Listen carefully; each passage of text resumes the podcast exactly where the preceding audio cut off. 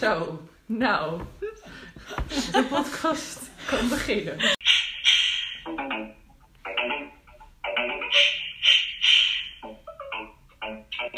Hey, ik deed het wel in mijn elleboog, hè, jongens. Ik deed geen Irmaatje.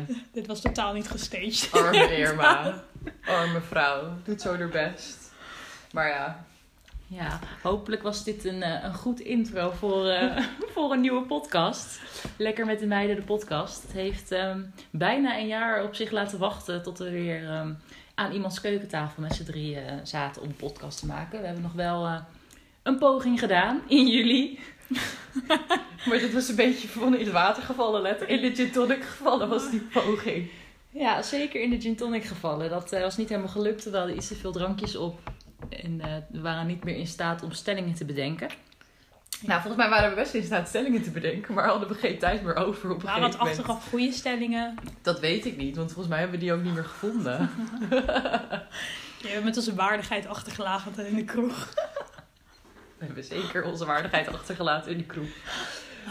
Maar goed, we doen eh, vanavond een nieuwe poging. En misschien kon je het al een beetje raden, maar het thema is corona.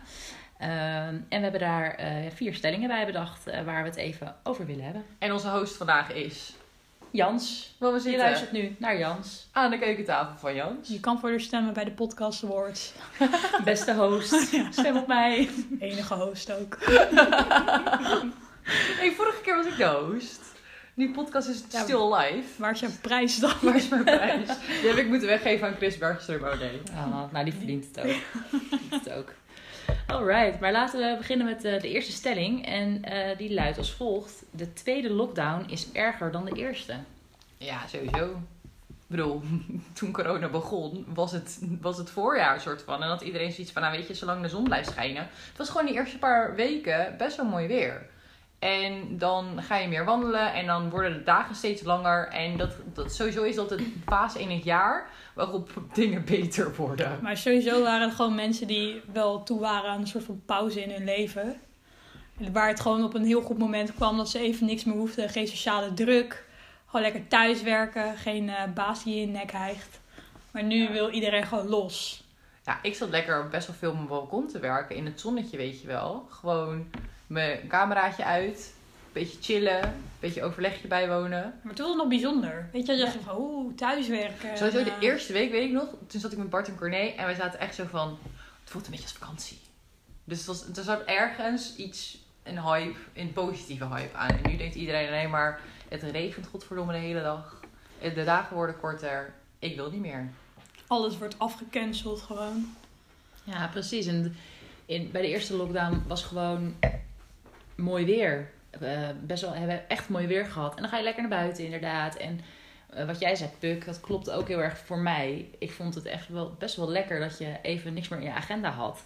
En gewoon het hele weekend maar kon doen waar je zin in had. Want dat was pre-corona gewoon niet mogelijk. Want je hele weekenden waren altijd al voor je uitgestippeld. En daar gingen we de laatste weken toch al wel weer een beetje in terug. En je merkte toch ook wel dat iedereen dat wel weer lastig vindt, Ja. vond. Maar goed, ja, nu met dit depressieve weer en de dagen die alleen maar korter en korter worden, ja, vind ik het ook wel pittiger dan, eh, Ja, dan maar in het voorjaar. ik moet ook echt wennen. Want nu als je wakker wordt is het gewoon donker. Ja. En je hele ritme is daarom al Ja. gewoon fucked up. En En dat wordt alleen maar erger. ja, je bent gewoon moe. Dus je wil een soort van energie halen uit de leuke dingen die je kan doen. Maar dat kan dus nu ook niet meer. Nou, we zijn wel beperkt in de mogelijkheden, weet je. Sowieso, het was voorjaar, je mocht allemaal weer naar buiten. En er hing ook wel een soort van vibe van... we gaan er wel wat van maken met z'n allen. En we hebben ook best wel wat leuke dingen coronaproof, zeg maar, gedaan. En nu heb ik het idee van, oh ja, je mag maar, maar vier mensen thuis. Weet je, het is wel meteen een soort van bitse maatregelen. De kroegen zijn meteen tot, tot tien uur eh, dicht. Eh, dus wat zijn de mogelijkheden om nog wat leuks te doen... als je ook scheid weer hebt, zeg maar. Ja, Ja, plus, weet je, toen die eerste lockdown begon, toen was het van, oh, een paar maanden, dan zijn we er vanaf. En nu wordt die situatie steeds uitzichtlozer. Ja. Ja. Weet je, in het moment nog dat je dacht... Oh nee, maar in de zomer kunnen wij echt wel naar Down the Rabbit Hole. Lowlands kan echt wel doorgaan. ons- je niet gedacht? Even twee Ja, maanden. oprecht. Nou, maar de eerste week nog wel. En toen voel je nog heel erg die soort van saamhorigheid. En we doen dit samen. En nu is iedereen gewoon een beetje chagrijnig. En We moeten niemand weer. heeft er meer zin in. En iedereen begrijpt het wel, maar we gunnen elkaar niks meer. Er is totaal geen. ehm, Nou, we hebben wel echt op een hele vrolijke noot deze podcast Ja, maar het is wel zo. Ja, sorry, dan Nee, ben ik misschien wat zwartgalliger. Maar ik bedoel, nu met deze winter in het vooruitzicht. Ja, Is al niet mijn beste seizoen? Nou, dat is vooral. Ik ben heb de laatste paar jaar wel echt geconstateerd dat ik blijkbaar last heb van een winterdip. En dat je gewoon na anderhalf, twee weken of zo in één keer bedenkt... waarom ben ik toch zo godvergeten zagrijnig en waarom kan ik er niks aan doen? En dat is echt iets wat ik gewoon de laatste paar jaar heb gerealiseerd. En nu weet ik dat. En nu weet ik dat dus ook in het vooruitzicht dat je gewoon weet dat je ook gewoon geen kant op kan. Ja. En dat was een soort van extra mindfuck. Terwijl ik voel me nu nog niet depressief. Maar je weet gewoon een soort van dat je er naartoe gaat leven. Ja, Dat is toch kut? dit Ja. was gewoon een dinsdagdip van een half jaar, zeg maar. Ja, en kijk, in dat donkere seizoen is het juist fijn. Lekker dekens op de bank, kaarsjes aan. Maar ook juist lekker etentjes met vrienden. Ja. Ja, je kan helemaal niet met veel vrienden gaan eten nu. Want dat mag niet. Ik mis toch wel gewoon is- echt het meest nog wel gewoon een avondje of een dagje naar de ratten gaan. Ja. Ja, ik bedoel, eten met vrienden kan nog wel hoor. Maar gewoon, Ja, maar niet met meer ik dan... wil met vreemden nee. gewoon staan praten. Ja. Weet je Ja, wel? maar dat is Ja. wel echt waar. Ik merkte op Caravaan, merkte ik echt hoe erg ik het gemist had om gewoon nieuwe mensen te ontmoeten en een keer andere verhalen te vertellen. Want, no offense, ja, ik denk dat we onze, onze groep hebben we uiteindelijk alsnog best wel af en toe gezien. Daar, dat, het had voor mij ook meer gemogen, maar dat contact bleef eigenlijk best wel. Maar nieuwe mensen inderdaad. Ja, en dan merk je pas wat, eh, wat je zo leuk vindt aan feestjes inderdaad. Dat zijn gewoon nieuwe prikkels, nieuwe mensen. Ja. En echt, ik vind de hele groep superleuk. Ik vind de hele groep superleuk, maar ja, dat, dat mis je dan toch. Ja. Maar waren jullie ook, zeg maar, of zijn jullie nu... Ik had het gevoel, weet je, dat toen eh, 16 maart die lockdown werd afgekondigd, was iedereen ook best wel panisch. ja. Weet je wel, je ging in een grote boog om mensen heen op straat. Maar nu Ja. is dat gevoel helemaal niet meer zo. Ik Toch? dus echt- Ik heb dat niet echt. Van, ik heb, ben bang niet heel dat bang. destijds de pleuris uit zou breken. Dat mensen zeg maar echt niet meer bij de supermarkt hun producten konden halen. En dat mensen echt het heft in eigen handen zouden nemen. En echt met homo-knuppels door. Dit- ik kijk te veel Amerikaanse Ik series waarin zeggen. daadwerkelijk gebeurt. Maar ik had serieus wel een beetje angst. En ik was toen een weekendje weg. En ik was echt met Cor aan het appen van... Dat ik daar dus bang voor was. En die was de hele tijd het komt wel goed. En ik vond hem echt heel raar. Want hij was, ik was in mijn eentje soort van aan het panikeren op dat weekendje. Maar nu heb ik dat niet. Ik heb gewoon meer het gevoel. Ik hoop gewoon dat mensen zich aan de ene kant wel een beetje aan de regels houden. Want anders gaat het niet weg. En aan de andere kant heb ik zelf ook zoiets van ja, ik vind eh, acht mensen thuis ook moeten kunnen. Want wat de fuck moet ik anders? Weet je wel, je moet wel nog iets kunnen organiseren. Een beetje gezellig voor vrienden thuis. En ja, dan is afstand houden er ook weer niet heel erg bij. Dus eigenlijk, het, het hypocriete is dat ik hoop dat iedereen zich heel erg aan de regels houdt. zo Snel, dat het snel voorbij is. En tegelijkertijd ben ik zelf niet bereid om me 100% aan de regels te houden. Zodat iedereen zich aan de regels houdt, zodat jij dat niet hoeft te doen. I- Idealiter. En dat iemand even mijn straatje komt vegen. En dat ik een schoonmaker krijg. Weet je, in die zin. Ja, Maar ik, ik heb wel steeds meer van het moet een beetje leefbaar blijven. En dat klinkt heel egoïstisch. En ehm, natuurlijk snap ik ook wel dat er gewoon feestjes als eerste moeten gaan en dat soort dingen. Maar dit is zo'n situatie waarbij we nog nou, minimaal een half, half jaar onderweg zijn voordat Ja. er eventueel een vaccin gevonden gaat worden. Want het, het, het record van snel vaccin maken, dat staat op ebola. Dat was vijf jaar. zo, serieus? Ja, dat is dus, ja. Maar kijk, moet je ook bedenken van, bij ebola was het in het begin heel erg de noodzaak. En dat is uiteindelijk zelf een beetje een soort van, een beetje die crisis gaan liggen. Nou, hier natuurlijk niet. Dus ik denk wel dat het eerder komt, maar het is heel naïef om te denken dat het bijvoorbeeld al binnen drie maanden er zou zijn. Ja, en we kunnen natuurlijk nu veel meer dan toen al. Ja, en het Dat is gewoon echt een red race. Dus er zijn gewoon heel veel farmaceutische bedrijven die daar echt keihard mee bezig zijn. Maar als je kijkt, weet je, Zweden was eerst heel anders. Er kwam er superveel kritiek omdat hun cijfers even opliepen. Maar als je nu kijkt hoe het met Zweden gaat, het echt veel beter dan Nederland. En ik heb eigenlijk al die tijd al wel een beetje gedacht van ja, weet je, in Zweden isoleren ze die oude mensen vooral. En daar is het ook niet helemaal goed gegaan. Maar goed, in Nederland is het ook niet heel goed gegaan met, met, de, met verzorgingstehuizen. Maar daar is wel de economische klap echt wel een stuk minder. En kunnen mensen wel echt een stuk meer gewoon het normale leven voor blijven zetten. Dus Ja, maar denk je niet dat dat ook is omdat Zweden veel minder dicht bevolkt is? Ook, maar ook wel omdat zij gewoon echt wel een andere strategie hebben gekozen. En stiekem ben ik wel een klein beetje Maar jaloers dat is waar, maar dat is ook omdat mensen daar meer afstand kunnen houden. Want als jij hier in een grote stad woont, ja, dan wordt dat gewoon best wel lastig. Kijk, en je ziet het ook in Friesland, Groningen. Daar speelt het niet heel erg. Maar ja, in Amsterdam zit ze hutje mutje boven op elkaar. Dus Ja. Zweden heeft wel gewoon, dat land is weet ik hoeveel groter dan Nederland. en het heeft wat 5 miljoen inwoners of zo. Volgens mij 9 en het is 26 keer zo groot. Ah, zo. Ja, ik weet dat Noorwegen er 4 heeft. Dus ja. Ja, klopt. Dat is wel, denk ik, makkelijker. Ja, eens. Eens. Maar goed. Ik zou willen dat het zoals Zweden konden doen. Ja, toch? Ja, het is wel een beetje. Ik heb het idee dat zij wel nog wel meer leven hebben. En dat daar dus ook de, de economie het minder zwaar heeft. Weet je, het bedrijfsleven allemaal wat meer door kan gaan op de normale voet. Terwijl ze ook wel de kwetsbare mensen beschermen. Dat je denkt, het is daar iets meer best of both worlds, zeg maar. Klein beetje jaloers. Ja, ja. Ja, maar goed, over die kwetsbare mensen gesproken. Dat is een mooi bruggetje naar de tweede stelling. uh, en die luidt: uh, Ik maak mij zorgen om mezelf en mijn omgeving. Nee, ik heb dat helemaal niet. Ik heb niet echt zwakkere in mijn omgeving. Zwakkere? ja, nee, maar ik bedoel gewoon mensen die uh, echt kwetsbaar zijn. Ja. En dan hebben we het even over gezondheid. Um, ja. Je hebt wel zwakker in je omgeving, wou je zeggen. Of mensen die een beetje gek zijn. Interpreteer je, interpreteer hoe je het wil interpreteren, maar... Kan je ze ook even aanwijzen welke zwakker nou ja, mijn, niet, uh... niet gezondheid in je omgeving Oké, even, we hebben het over gezondheid. We hebben het over corona. Ja, ja, ja. Uh, ik heb gewoon, ik ken niemand echt in mijn omgeving die echt een, uh, ja, risico loopt. Ik ken überhaupt nog maar één iemand in mijn omgeving, mijn broer, die corona heeft gehad. Dus voor mij is het nog een beetje ver van mijn bedshow. Um, en mensen die mogelijk hun baan verliezen bijvoorbeeld door corona? Ja, de, nou ja, daar ken ik ook maar heel weinig van.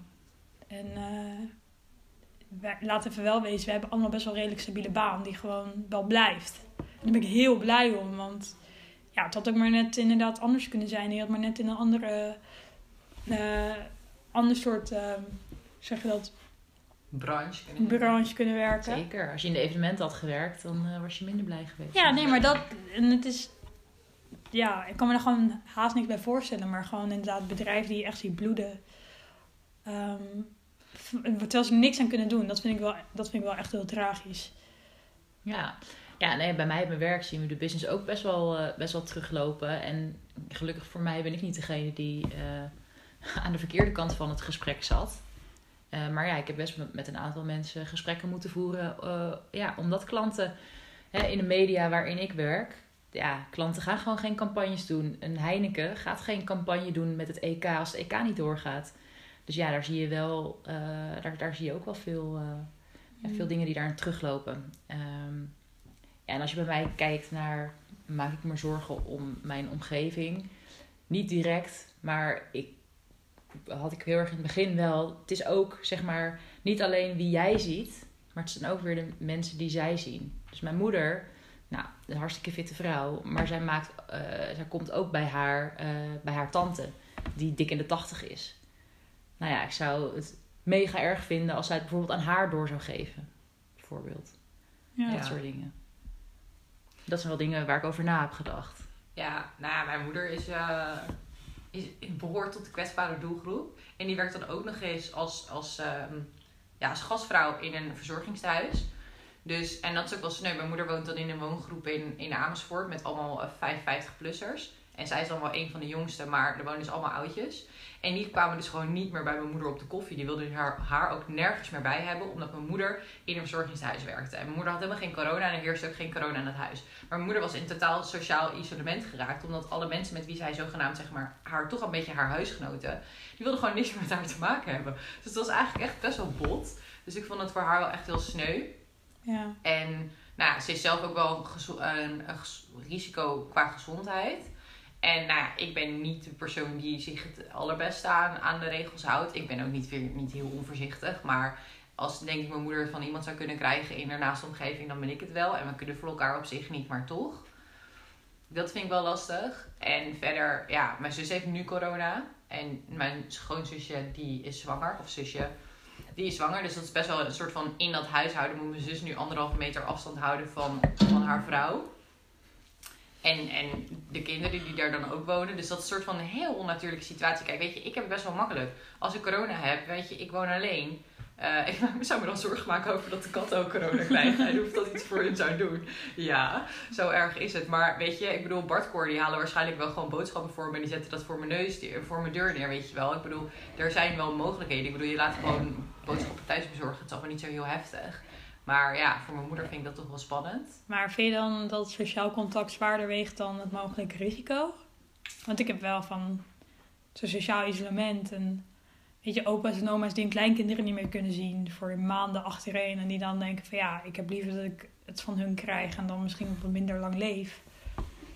Ja, vind ik heel lastig om daar iets over te zeggen. Want je merkt ook van mensen, weet je, de ene persoon die heeft het nauwelijks door. En de andere persoon die ligt op de IC. En ik denk de hele tijd van ja, weet je, het zal mij wel duren. En voor hetzelfde gaat lig ik straks ook op de IC. Weet je wel, je weet gewoon, voor mijn gevoel zijn er iets van 25 verschillende corona's die soort van heersen. En je weet niet precies welke je potentieel pakt. En ja, ik weet niet, ik kan me gewoon ook niet verplaatsen in een opa en oma die denken: stel dat ik over twee jaar toch dood ben, wil ik liever mijn kleinkinderen hebben geknuffeld. Weet je, mijn, uh, neef, mijn jongste neefje is waarschijnlijk volgens mij iets van 13 of zo. En uh, mijn zus is de oudste en die is 30. Dus wij zijn sowieso niet in die hele knuffel mijn opa en oma fase. Maar mijn zus vond het wel super belangrijk. Mijn zus is dan vorige week getrouwd. Dat mijn opa en oma erbij zouden zijn. Omdat zij volgend jaar dan een groot feest willen geven. En ah, mijn opa en oma zijn, gaan op tijd naar bed. Dus die gaan niet naar een groot feest tot laat. En je weet niet of ze er dan nog zijn. Dus dat is dan wel weer extra belangrijk. Maar ik denk dat dat ook buiten corona om voor hun een prioriteit was geweest, weet je wel. Ja. Ja, ik vind het lastig, want ehm, we doen er zoveel aan om te zorgen dat mensen niet besmetten. Er zijn zoveel negatieve. Um, ja, er zijn zoveel nadelen die daarbij komen kijken. En zeg maar, in de, bij de eerste lockdown dacht je er niet over na. Want wij er allemaal helemaal niks vanaf. En toen was het van ja, dat moet ook. En het moet nog steeds, hè. Weet je wel, van we moeten nog steeds zorgen dat die besmettingen zo laag, dat, dat aantal zo laag mogelijk houden. Maar nu ben je wel wat kritischer. Ik kan niet zeggen dat ik me bij die BN'ers aansluit. Hashtag ik doe niet meer mee. dat is echt belachelijk natuurlijk, maar... Nee, je wil niet in dat uh, rijtje nee, absoluut super gave namen. Ja, hou op met Nee, maar dat je dan ook gewoon geen ruggengraat hebt... en dan twee dagen later dat allemaal weer van social media gaat verwijderen... en dan denk ik van ja... Nou ja, denken voordat je iets zegt is sowieso natuurlijk gewoon super belangrijk. Ja. ja, maar ja, en ik, het is wel mooi dat dat ook kan. Dat je gewoon anders kan zeggen hier in Nederland. Maar laten we alsjeblieft geen zendtijd meer geven aan die mensen. Laten ze Femke Louise niet meer uh, aanschuiven bij een talkshow. Uh. Zeker niet nadat ze in het begin van corona uh, nog betaald is door de overheid voor een campagne voor de maatregelen. Ja, van een jaar. Ja, maar ze is wel naar die, naar die ehm, ze zat toch aan tafel toen bij Jinek bij die ja, ik heb dus geen actualiteiten meer gevolgd sinds het begin van Ik ben blij dat je dat niet hebt gevolgd, want, het is ja, echt te treurig voor woorden. Nou, en ook ik raak gefrustreerd van iedereen die zeg maar dan in zo'n talkshow... ze gaan iedereen die soort van half of heel experts uitnodigen... en mensen gaan er iets van vinden. En ik ga dan weer iets vinden van die mensen... terwijl het ook een situatie is waar je heel weinig aan kan doen. Dus ik dacht, dat gaat mij niet gelukkig maken. Terwijl ik normaal gesproken een persoon ben die vindt dat ik op, op de hoogte moet zijn van actualiteiten, zeg maar... Maar uh, zij zat toen bij een epidemioloog volgens mij aan ja, tafel. Diederik Gommers zat er volgens mij. Ja, Diederik Gommers. En zij is dus wel nog bij hem op bezoek geweest. Ja, maar ze wil gewoon alleen maar... Dat is echt een beetje om haar imago te redden. Dat is echt niet omdat ze er zoveel om geeft hoor. het is gewoon dat zij geld wil blijven verdienen met wat ze doet. Zij en ze is, redelijk, ze is gewoon redelijk door de mand gevallen. En we wisten allemaal al dat ze niet de meest slimme was en het beste voorbeeld. Nou, toen is ze dus echt uh, verschrikkelijk op de bek gegaan. En nu probeert ze alleen maar haar imago te redden. Het is echt niet opeens dat zij denkt van... Oh, nou, ik vind het nu wel heel erg. Ja. Want denk je echt dat zij niet meer met vrienden gaat afspreken of zo? Denk je echt dat ze zich aan gaat houden nu? I don't know, maar aan de andere kant denk ik ook... Zij is 21, ze is al zo lang een soort van... Weet je wel, iedereen wil iets van haar, fame, bla bla bla. En dan denk ik, ja, toen ik 21 was, zei ik ook wel dingen die stom waren. Ja, maar prima, maar bemoei je gewoon niet met dingen waar je geen verstand van hebt. Dat is waar. Leuk dat je muziek maakt, leuk dat je daar fans bij hebt prima, maar beperk je dan gewoon tot dat. En ga je niet bemoeien met politieke vraagstukken. Ja, dus dat is wel echt een hele goede volgens mij. Want was het deze week nou dat dit was gebeurd? Of was het vorige week? Dat is al een tijdje. Want er was dus bij Dit Was Het Nieuws echt een hele goede uh, grap hierover gemaakt. Omdat ze, ja, ze was altijd al wel politiek actief. Toen hadden ze dus haar nummer soort van gebruikt in. Oh, dat was echt heel geestig. Ik moet echt terugkijken. Peter Pannenkoek natuurlijk weer. Houden van die man. Die is wel sterk, ja. Mooi. Maar dat vond ik wel leuk. Wij zijn dus wel naar, ehm naar Comedy Train gegaan in de Westergas. Weet je, ik- wat ik wel mooi vond daaraan is dat je wel ziet dat er alternatieven worden geboden. Ik ben dan naar een Goldband concert geweest, dit concert. Maar voor mijn gevoel in, met de nieuwe maatregelen van deze tweede lockdown worden al dat soort initiatieven van eh, organisaties die echt wel creatief zijn geweest, worden nu ook bijna onmogelijk gemaakt. Ja, maar ze krijgen gewoon niet echt steun. En eh, het, het, is, het wordt gezien als niet essentieel. En dat is ergens ook wel... Klopt dat ook wel. Maar Aan de andere kant zijn het ook banen van mensen.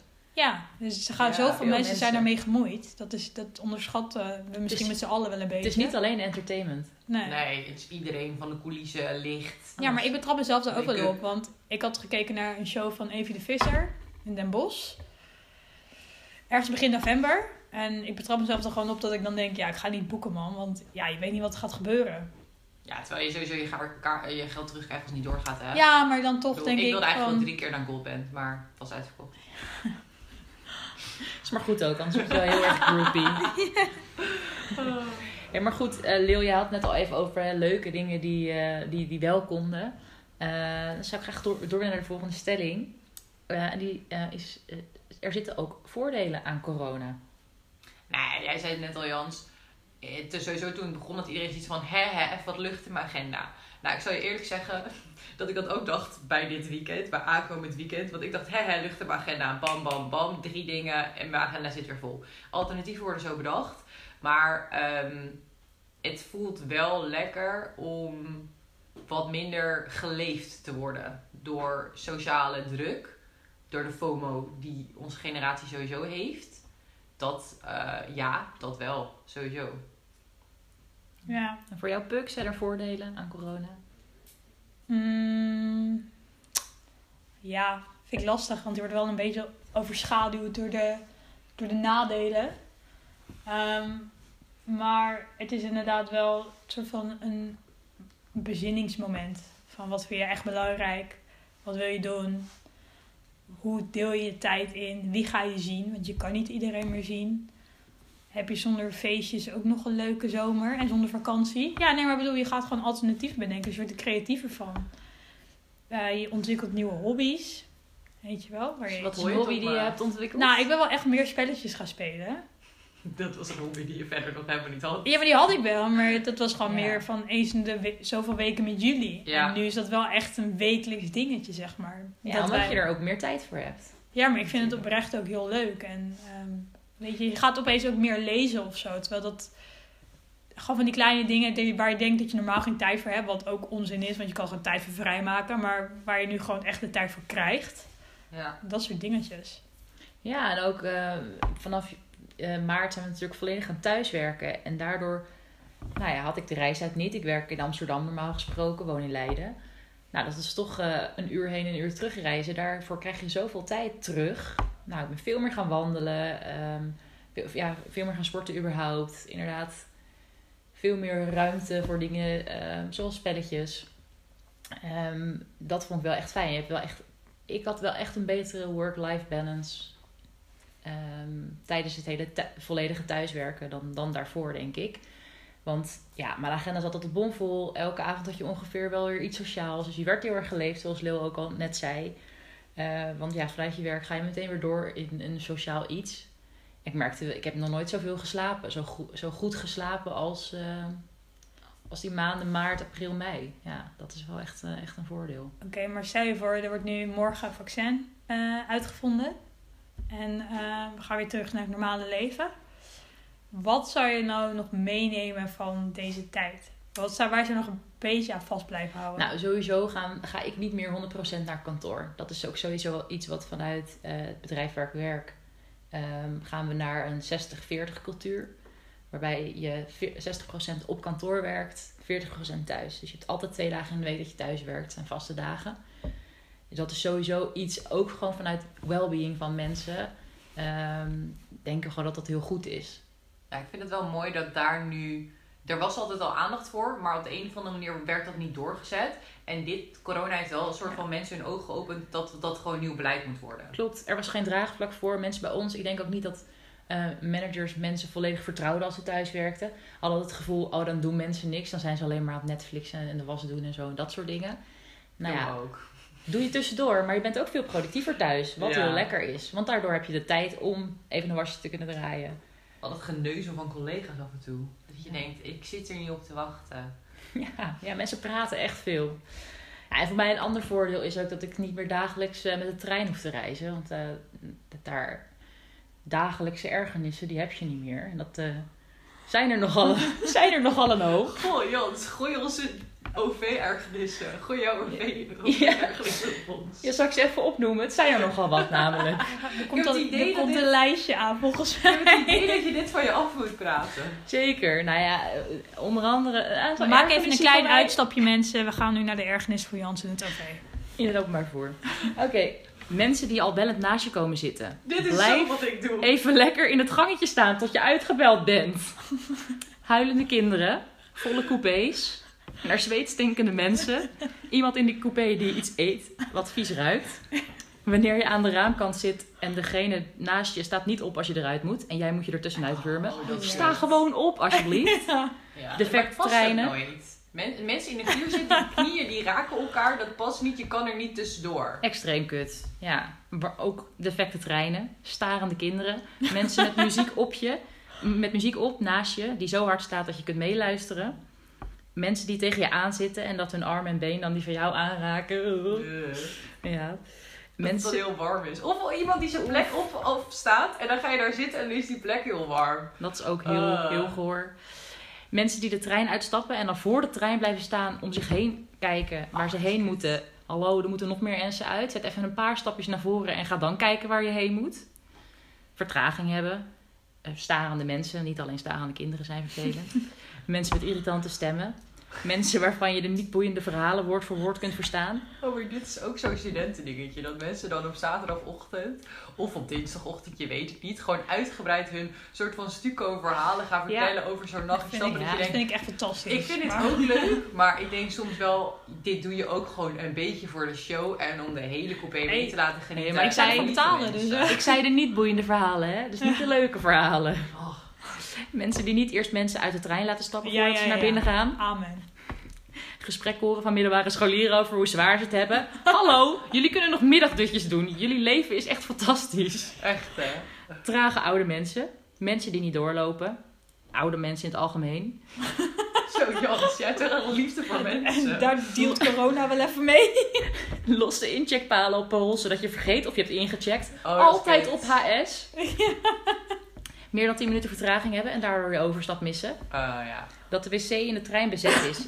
En dat En hij dan niet meer vrijkomt, terwijl jij net vet nodig moest. En goor. En goor, ja, vaak ook. Maar ik vind het ook altijd een beetje gênant dat je dan dat mensen hebben door dat jij naar de wc gaat. Want je kom, gaat weg en je komt weer terug. En ik heb dus altijd het idee dat mensen dan een beetje naar jou kijken. Jij bent op zo'n gore wc gegaan, meisje. Dat vind ik een beetje gênant. Ik ga dan niet meer terug vaak. Ik blijf dan gewoon zitten Nou ja, als wij dat met vrienden zijn en ik moet gewoon nodig zeiken. Ja, wat moet het moet, weet je wel. Ja, ja, ja. ja, we zijn er bijna jongens. Deuren die defect zijn, waardoor je naar het andere eind van het coupé moet lopen.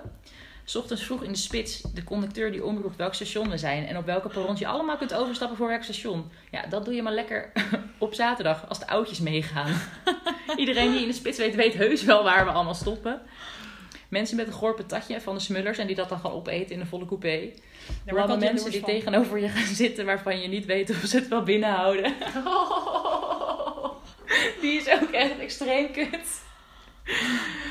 Ja, dit waren mijn eh, 27 ergernissen in eh, de trein. Zo. Volgens mij vind je het verder wel leuk. Gewoon toch een Ik beetje vind het fantastisch.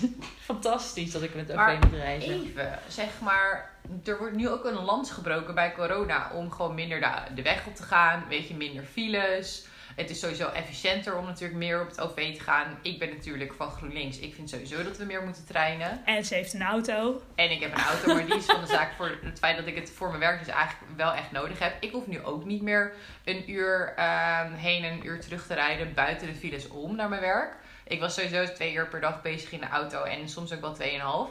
Dus ik ben er eh, best wel blij mee dat ik die reistijd niet heb. Dat sowieso. Maar ehm, ja, dus al die treinergernissen, ik snap het. Maar ik vind ook wel gewoon dat we meer op de trein moeten inzetten. En mensen zeggen schonere lucht. Het zijn, ik haak nog even terug op de stelling voordelen van corona. Dat is wel een voordeel. Minder vervoersbewegingen. Ja, maar dat is nu ook wel weer redelijk terug naar normaal. Nou, het RIVM, dat was vandaag op nieuws, heeft dus uit kunnen zoeken door corona. Als je 8% minder verkeer op de, op de weg hebt, heb je de helft minder files. Dus dat is echt wel exponentieel. En dat hebben ze dus nooit eerder kunnen onderzoeken, omdat altijd typisch druk op de weg is. En nu is dat kunnen onderzoeken. Mhm. En ik ben er dus echt wel voor. Ik bedoel, hallo, 12 jaar VVD-beleid. Het wordt nu in één keer een politieke podcast. Maar meer asfalt helpt ons niet. Zeker niet. En mensen willen ook wel meer work-life balance. Dus ik denk dat ook wel mensen iets meer gaan nadenken over... wat voor vervoersbeweging wil ik überhaupt maken naar, naar kantoor. Plus, gaan mensen die nu in de stad wonen, die gaan er buiten wonen. Waar ze meer ruimte hebben. Want ja, je hoeft toch niet meer elke dag in de stad te zijn. Iedereen zonder balkon heeft echt een kut leven gehad met corona hoor. Ik zweer het je. Ja, ik heb echt geluk gehad. Ja. Ik heb nog nooit zoveel uren op een dakterras doorgebracht als nu, zeg maar dit jaar. Ik heb nog nooit zo'n goede ten gehad als nu, zonder op vakantie te zijn geweest. Niet te zuinig. Dat gaat ook heel snel af nu. Nou ja, de voordelen van corona, goede ten. Nou, ik heb zeker de eerste zes weken bijna dagelijks met Bart buiten staan sporten. Gewoon bij ons op het grasveldje voor de deur. En ik moet zeggen dat het ook de entertainment was van het hele appartementenblok. Want er zaten dus echt allemaal van die mensen, weet je wel, van 40. Dan om vijf uur 's middags net even die, wijn, die fles wijn open te trekken. Omdat elke dag toch, elke dag was vrijdagmiddag borreltijd, zeg maar. En wij waren daar dan gewoon burps aan het doen of zo. En mensen zitten dan toch echt gewoon met hun nootjes en een glaasje te kijken. Ik was liever die mensen op dat, op dat balkon dan. Nou ja, ergens dacht Same. ik. Ja, het was ook wel weer een soort van lekker dat je gewoon dat ritme hebt. En het verschil zeg maar van thuiswerken, dat is wel een dingetje. Je staat op, je loopt naar de eettafel, je gaat zitten en je bent op je werk. Terwijl normaal gesproken ben je wel een soort van change of scenery. Je kan je even een soort van, je wordt toch wakker. Je denkt alvast een beetje na over wat heb ik vandaag voor to-do'tjes of zo, weet ik veel. En ook als je teruggaat naar je werk. Je kan wel even een soort van de werkdag en alles wat bij werk hoort achter je laten. Ik verplaats gewoon van de eettafel naar de bank. Dus dat we toen gingen sporten buiten, dat gaf toch wel eventjes een momentje om de werkdag van je af te laten glijden, zeg maar. Ja. Ja, ik ben wel gewoon heel blij dat ik... Ik heb eigenlijk bijna elke dag wel op kantoor gezeten.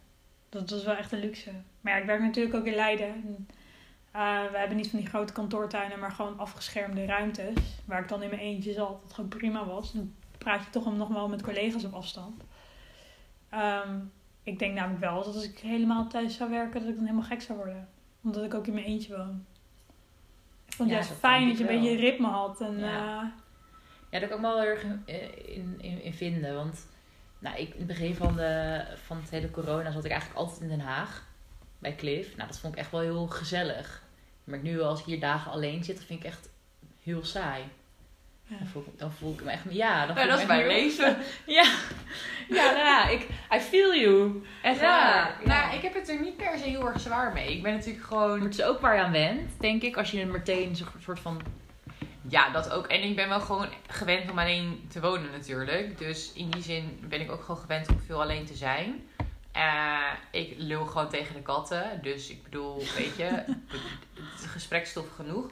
Ik woon natuurlijk dicht bij Bart en Cor. Ik zie, zag hun in het begin van corona wel echt meer op dagelijkse basis. Omdat ik dus elke dag eigenlijk wel met Bart sportte en wel veel lunchwandelingetjes maakte met Cor of avondwandelingetjes. Ik merk wel dat nu weet je, door de zomer al iedereen's agenda is drukker geworden. Cor die ging ook wel iets meer naar kantoor. Dus ik, ik hoop dat we dat ritme wel weer met elkaar een beetje terug gaan krijgen.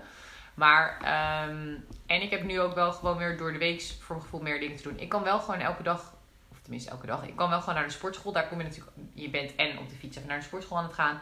En je hebt daar ook weer eventjes wat sociaal contact. Dus dat vind ik ook wel heel chill. Maar ik heb niet, ik weet niet, ik ben niet eenzaam of zo. Dat niet. Maar ehm, voor mij is het denk ik wel extra belangrijk zeg maar, om een sociale agenda een beetje gevuld te krijgen. Omdat je anders niet zo heel veel aanspraak hebt. Dat wel. Ja. Ja. ja. ja. Maar ik heb niet... Ja, voor het voordeel van mijn werk is dat ik mijn collega's niet heel erg mis. Ik werk natuurlijk voor een adviesbureau. Dus alle collega's die echt mijn officiële collega's zijn... zie ik sowieso niet vaker dan één keer in de week. Dus dat zijn ook niet types die je heel... Types. Het zijn ook niet mensen die je per se heel snel mist. En de collega's waar je goed mee gaat, heb je toch wel wat meer contact mee. En alle collega's die ik ken van mijn opdracht zijn over het algemeen ook niet mensen waar je heel veel op investeert. Want je hebt een tijdelijke opdracht. En ik ga daar werken voor de inhoud van mijn werk. En niet voor de superleuke collega's. Ik ga er niet 25 jaar in dienst. Dus ook daarin heb ik die craving van de collega's niet zo. Dus dat scheelt denk ik wel veel. Als ik niet dit type werk had gehad, had ik het misschien ook wel kutter gevonden of zo. Ja. Ja. ja, ik mis mijn collega's wel echt heel erg. Ik vond het heel fijn dat ik de afgelopen periode wel twee dagen in de week op kantoor kon zijn. En gewoon weer onder de mensen. Want nou, mensen is ook wat ik gewoon echt leuk vind aan mijn werk. Ik zou het niet zeggen na al die treinergenissen. Maar ik vind mensen heel erg leuk. Behalve mensen in de trein. Behalve mensen in de trein vind ik mensen echt heel leuk. Dat is ook de reden waarom ik in HR ben gaan werken. Dan dul je veel met mensen, praat je veel. Ehm, doe je veel met mensen. Uh, dat mis ik wel heel erg. Met mijn directe collega's, maar ook met mijn andere collega's. Gewoon die dynamiek van op kantoor met elkaar kletsen. Versus nu ja, ik vind calls echt best wel intens. De hele tijd tegen een computer praten. Uh, vind ik veel intenser en zwaarder eigenlijk dan eh, face-to-face gesprekken hebben met mensen. Mhm. Ehm, dat, dat mis ik wel echt heel erg, die, die dynamiek. Ja. ja. Ik merk dat ik dus gewoon heel snel afgeleid ben. Ik heb dan mijn, ik heb twee werklaptops, eentje van kantoor en eentje van mijn opdracht. En dan heb ik gewoon een neiging om ondertussen mijn andere mail te checken of zo, te refreshen en shit. Ik had vandaag twee uur achter elkaar, of twee uur achter elkaar. Ik had gewoon een, een meeting van twee uur. En dan heb ik dus gewoon toch de hele tijd de neiging om naar dat andere scherm te kijken. Of naar mijn kat die ook even in beeld komt. en dat kan super ongeïnteresseerd overkomen. Nou weet ik dat dat ook een dingetje is van onze generatie, zeg maar. En het is helemaal niet onbeleefd bedoeld. Maar ik heb ook een soort van het switch van taak nodig om gefocust te blijven of zo. Laatst heeft iemand gevraagd of ik ADHD heb op werk. Dat is wel erg confronterend. Maar goed. Maar ja, dat, dat vind ik wel lastig. En dat heb ik in een, in een face-to-face meeting heb ik dat veel minder. Mhm. Dat ik uh, mijn aandacht erbij kan houden. Dat merk ik wel. wel. Dat herken ik wel, ja. Ja. Ja. Ja. Ja. Ja. Ja. Ja. Nou. nou, laten we naar de laatste vrolijke stelling uh, om het vrolijk af te sluiten. Om het vrolijk af te sluiten. Met een positieve noot, hè? De maatregelen geven meer ellende dan het oplevert. Ja. Erg stelling. Ja, maar het is wel een beetje... Ja. Ja, wat willen we Wat is ellende? Wat is ellende? Ja, er moet nog een beetje samenleving overblijven toch aan het einde van de corona om nog verder te kunnen met elkaar. Ja, ik zie één voor één allemaal leuke uh, horecazaakjes opdoeken. Ja, ja, gewoon mensen die hun baan kwijtraken. Nou, wat ik wel typerend vind, is volgens mij kwam dat ook vandaag op het nieuws. Ja, ik heb vandaag dus anderhalf uur in de auto gezeten, dus ik heb, ik heb het nieuws meegekregen, want ik was naar de autoradio aan het luisteren. Maar volgens mij was er nu ook bekendgemaakt door, door het RVM of door iets anders, hoeveel mensen er nou uiteindelijk door ons uh, in Nederland waren overleden aan corona. 10.000 toch? Nou, volgens mij dus maar 6000. Dus dat viel wel mee. Ik ook iets over 10.000. Oh, 10.000. Nou, dan waren er iets van 6000 in, in de hot maanden, zeg maar. April, mei overleden. Zo goed heb ik dus geluisterd naar de radio. Maar, um, en dat het dus wel echt hoofdzakelijk mensen van 80 plus waren die al in slechte gezondheid verkeerden. En dan ben ik nu totaal niet politiek correct. En dat is heel slim, aangezien ik het gaat vergrijzing tegen, wil je nu zeggen? Nee, nou, wat ik dan denk is dat mensen die sowieso al het loodje zouden leggen binnen nu en vijf jaar, waar, dan, waar de gezondheidszorg ook heel veel geld aan uitgeeft, omdat we toch wel. Nou, onze mentaliteit is heel erg dat we mensen zo lang mogelijk in leven moeten houden. In goede gezondheid. Maar dan gaan we wel miljarden er tegenaan gooien om mensen in goede gezondheid te houden. Dat vind ik überhaupt dan niet. Nou ja, ik vind dat we daar best wel anders over. Zeg maar, het is natuurlijk een heel erg moreel vraagstuk. Maar ik denk dat het wel we leven toch in tijden van financiële schaarste, waarin je gewoon goed moet nadenken waar je je middelen aan uit wil geven. En dan is mij de vraag wel of al die bedrijven het zo financieel zo zwaar moeten hebben om 80-plussers in slechte gezondheid in leven te houden. Dan wil ik ook meteen een positief dingetje nog aankaarten van corona. Kunnen we later wel weer gewoon op ons 65ste met pensioen. Ja, als het even zo doorzet. Ja. Inderdaad. Nou ja, en ook als je denkt dat er 10.000 mensen zijn. Ik bedoel, 10.000 mensen is wel veel. Maar we zijn inmiddels met 17 miljoen, hè? Dus wat is nou 10.000 mensen? Hoeveel, hoeveel oversterfte was er? Want dat is eigenlijk belangrijker om naar te kijken. Want dat zegt meer. Want, zijn, want wat ook wel gebeurd is, is door um, alle reguliere zorg die on hold is gezet. Ja. Zijn, dat heeft ook zijn, uh, zijn tol geëist. Ja. En um, ja, dat gaat nu weer gebeuren. Nou, Om mensen die te laat een, iets gediagnosticeerd krijgen, te laat beginnen met een behandeling. Ja. Het lastige wat ik, wat ik vind is dat we heel, heel erg um, gefocust zijn op de, die directe gevolgen van corona. En wat ook lastig is, is dat je eigenlijk niet zo goed weet wat potentieel het sterftecijfer wordt en wie er allemaal door geraakt worden als we de maatregelen niet hebben. Tegelijkertijd vind ik het wel best wel behoorlijk heftige maatregelen als je kijkt wat, hoeveel mensen er dan gestorven zijn, zeg maar. Ik vind 10.000 vind ik best een behapbaar aantal. Zeg maar, ik weet gewoon op de totale populatie. Hè? En ik zeg echt niet dat er allemaal mensen dood moeten gaan, maar het feit dat we in corona zitten en dat het een risico is voor de volksgezondheid, dat is er sowieso. Daar gaan, We kunnen er eigenlijk heel weinig aan doen dat mensen überhaupt maar, sterven. Laat ook eens zeggen, um, die 10.000 doden zijn er maar, even tussen aanhalingstekens, 10.000 omdat we in lockdown zijn gegaan. Ja, dus dat is een beetje lastig. We kunnen niet, we kunnen, we hebben eigenlijk geen soort van nulmeting van wat zouden de gevolgen zijn als we totaal niet in lockdown gaan. Hè? Wat zouden de gevolgen zijn als we helemaal geen maatregelen hadden genomen. En mhm. eerlijk gezegd, natuurlijk was dan de situatie ook niet te overzien. Dus het is heel moeilijk om te zeggen wat we het waard vinden, omdat je niet weet wat er tegenover staat. Plus, het is ethisch gezien gewoon, je, het, je kan het nooit uh, verkopen dat, dat je zegt van ja, nou daar gaan er maar mensen dood voor het welzijn van de hele samenleving. Als in mensen kunnen gewoon doorgaan met werken, de economie blijft normaal draaien. Dat gaat het nooit winnen van oké, nee, van, maar van doden, zeg maar. Dat is zoiets. Ja, ja, weet ik niet. Het is, het is gewoon van je ik weet niet, het, het, het, het, gaat gewoon nooit goed te praten zijn. en dat is het lastige daaraan. Klopt, maar je hebt natuurlijk wel strategieverschillen. Zeg maar, wat ik eerder ook al zei, Zweden heeft het wel op een andere manier aangepakt. Die hebben wel gewoon, nou ja, gewoon een andere strategie erop gegooid. En maar daar is het leven op een meer normalere manier doorgegaan. En nou ja, wat ze heel terecht zeiden is, we weten nu ook nog niet wat dat gaat opleveren. Wij kiezen gewoon voor deze strategie en daar is draagvlak voor. En de tijd gaat het ons leren. En natuurlijk heel veel andere landen hebben nog een andere strategie gehanteerd. En uh, het is ook helemaal niet zo alsof ik nu denk van, oh, we hebben het in Nederland heel erg fout gedaan, want... Maar ik denk wel dat, ja, er is, wel, er is ook heel veel ellende.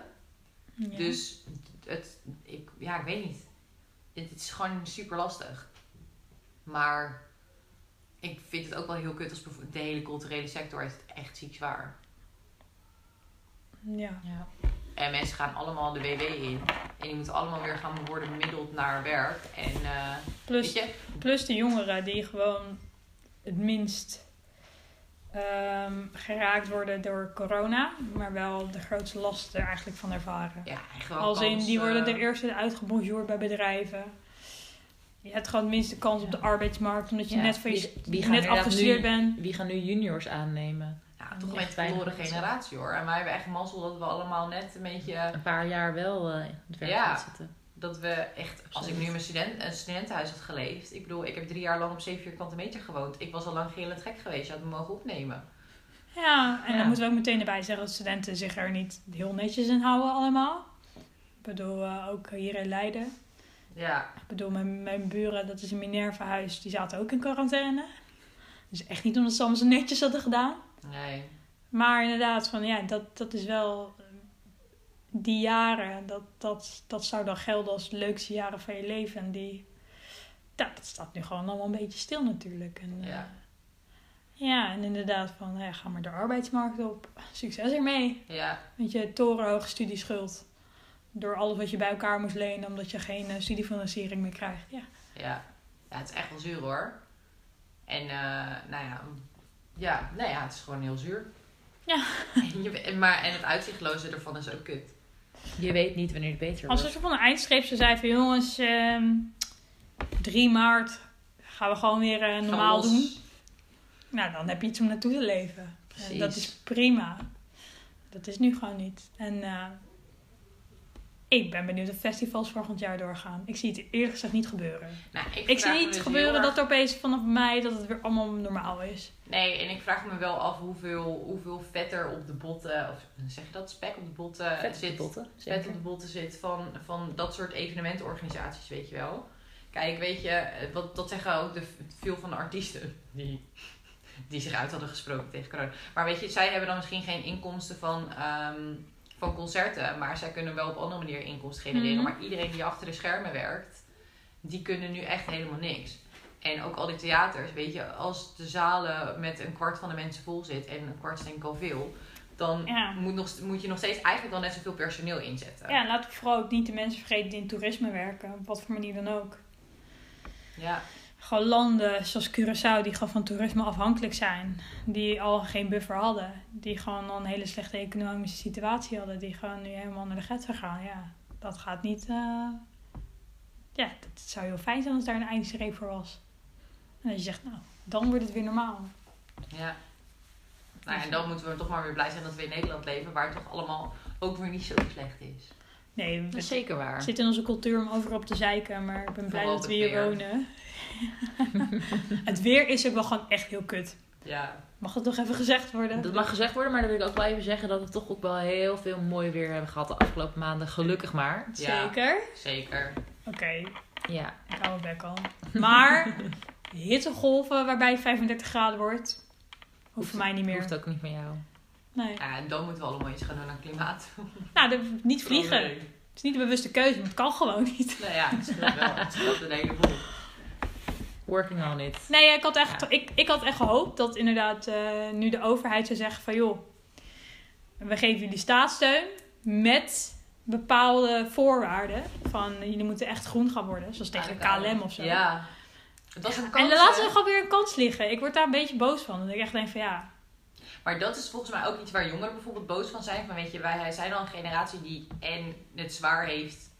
En we hebben het nu zwaar met corona. En, het is allemaal, en wij zijn dan ook nog eens degene die nog langer op deze planeet moeten leven. En dan heb je de mogelijkheid om maatregelen te, in te zetten. En dan ga je dan nog steeds niet groen en duurzaam en shit doen.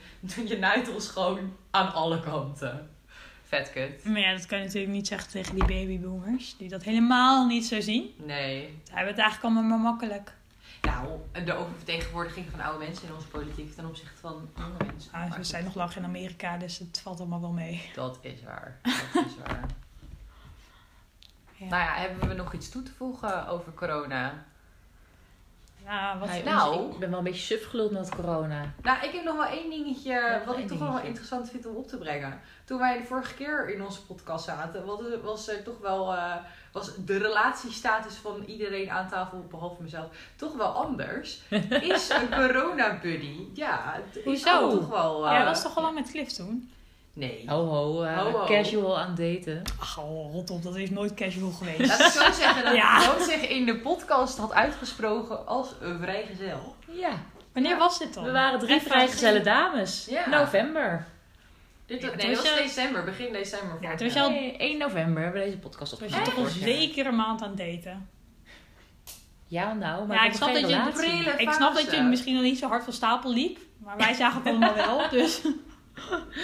Nou ja, goed. maar corona. Ja. Ja, ik bedoel, eh, laat ik het zo zeggen. Het RIVM zei op een gegeven moment, je mag één iemand hebben. Toen dacht ik, dan moet ik nog steeds één iemand vinden, mensen. dat maakt het niet per se heel veel makkelijker. Dank u wel. Maar, eh, nou ja, Ik heb echt mensen moeten afbellen toen. Ja. Oh, oh, oh, je moet er één kiezen. Jij staat niet bovenaan mijn lijstje. Je hebt al gebeurd zo, wie is het gedaan? En dan die gezichten Je bent de zwakste schakel. Tot ziens. Oh. Nou ja, ja, in het begin dacht ik echt... Ja, maar wat is je vraag precies? Nou ja, of, of dat voor jullie de corona heeft verlicht. Dat Ja. je denkt, ja, het is toch wel heel chill. Want je hebt in ieder geval wel een Zeker. corona-buddy. Want kijk, ook doordat je gewoon geen sociale dingen had, had je 100% tijd voor elkaar. Ik vond het eerlijk gezegd echt best wel lekker. Elke avond gewoon lekker chillen. Filmpje Quality aan. time. Quality time. Je hoeft er niet na te denken, oh, wat heb jij die avond, wat heb jij die avond. Want je had gewoon allebei Ja. niks. Of je ging een uurtje eh houseparty met je vrienden. Maar daar was je ook aan een tijdje wel klaar mee. Ja, Ja. Het, is, wel- het is wel wat het is. En dat vond ik er wel heel fijn aan. Dat je echt puur de tijd voor elkaar had. Ja, ik heb op 11 maart mijn eerste date gehad.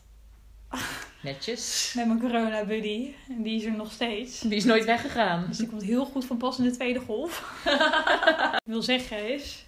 Samen is niet alleen. en het is alleen samen tegen corona. Zo. Dus Ik denk dat met deze prachtige uitspraak niet een tegeltje kan. Zeker. Nou ja, je kan dus Puk inhuren voor een campagne van de overheid. Ja, en ik zeg... Ik ben, eh, ik ben om te kopen. Ik, ik wil niet eh, zeggen dat ik eh, drie maanden later van gedachten verander. Maar En ik zeg volgende week toch, eh, volgende keer toch even een vrolijker onderwerpje. Ja. Zodat we Ja, maar van hier ja, kunnen lachen. Maar soms moet je het ook even over serieuze dingen hebben. Heel soms. Nou ja, we kunnen Heel wel doen alsof we het niet de hele tijd als met, onze, met iedereen die je spreekt over corona hebt. Maar dat is natuurlijk ook niet het is wel een beetje een alle Zeker overheersend waar. thema. Ja. Ja, en daarom wilden we het toch even over hebben vanavond. Ja. Dus jullie weten natuurlijk ook al wel gewoon hoe jullie er zelf in staan. Dus eigenlijk voegt het heel weinig toe aan wat je eigenlijk al dacht.